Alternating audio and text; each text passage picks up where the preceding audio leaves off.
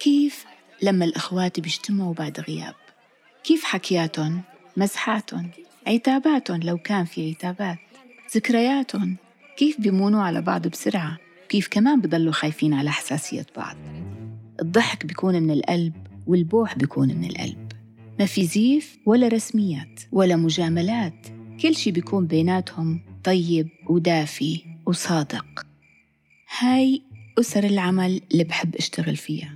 لهيك لقيت حالي بشكل طبيعي وتلقائي وحدة من فريق Audionality أحكي لكم حكاية؟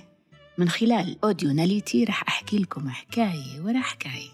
هالمنصة اللي رح تنتج مجموعة من البودكاستات ومن ضمنها بودكاست. أحكي لكم حكاية. أول حكاية هي حكاية هالبودكاست. هي الحكايات موجهة للصغار والكبار. يعني للعيلة. رح كون كتير ممنونة. لو سمعت منكم اقتراحات انطباعات عن هالحكايات. وكلي شغف للحظات سماعكم هالقصص اللي رح تسمعوها قريبا لأنه هالقصص بحبهم. وعندي تجاه هالقصص مشاعر كتير حلوة. بداية رح تسمعوا حلقة بالشهر. وأنتو تشجيعكم لأن إذا شجعتونا رح نصير نقدم أكثر من حلقة بالشهر. بيهمنا نسمع كمان هون اقتراحاتكم خلص. بدي أقول على أوديو ناليتي رح نسمع أحكي لكم حكاية.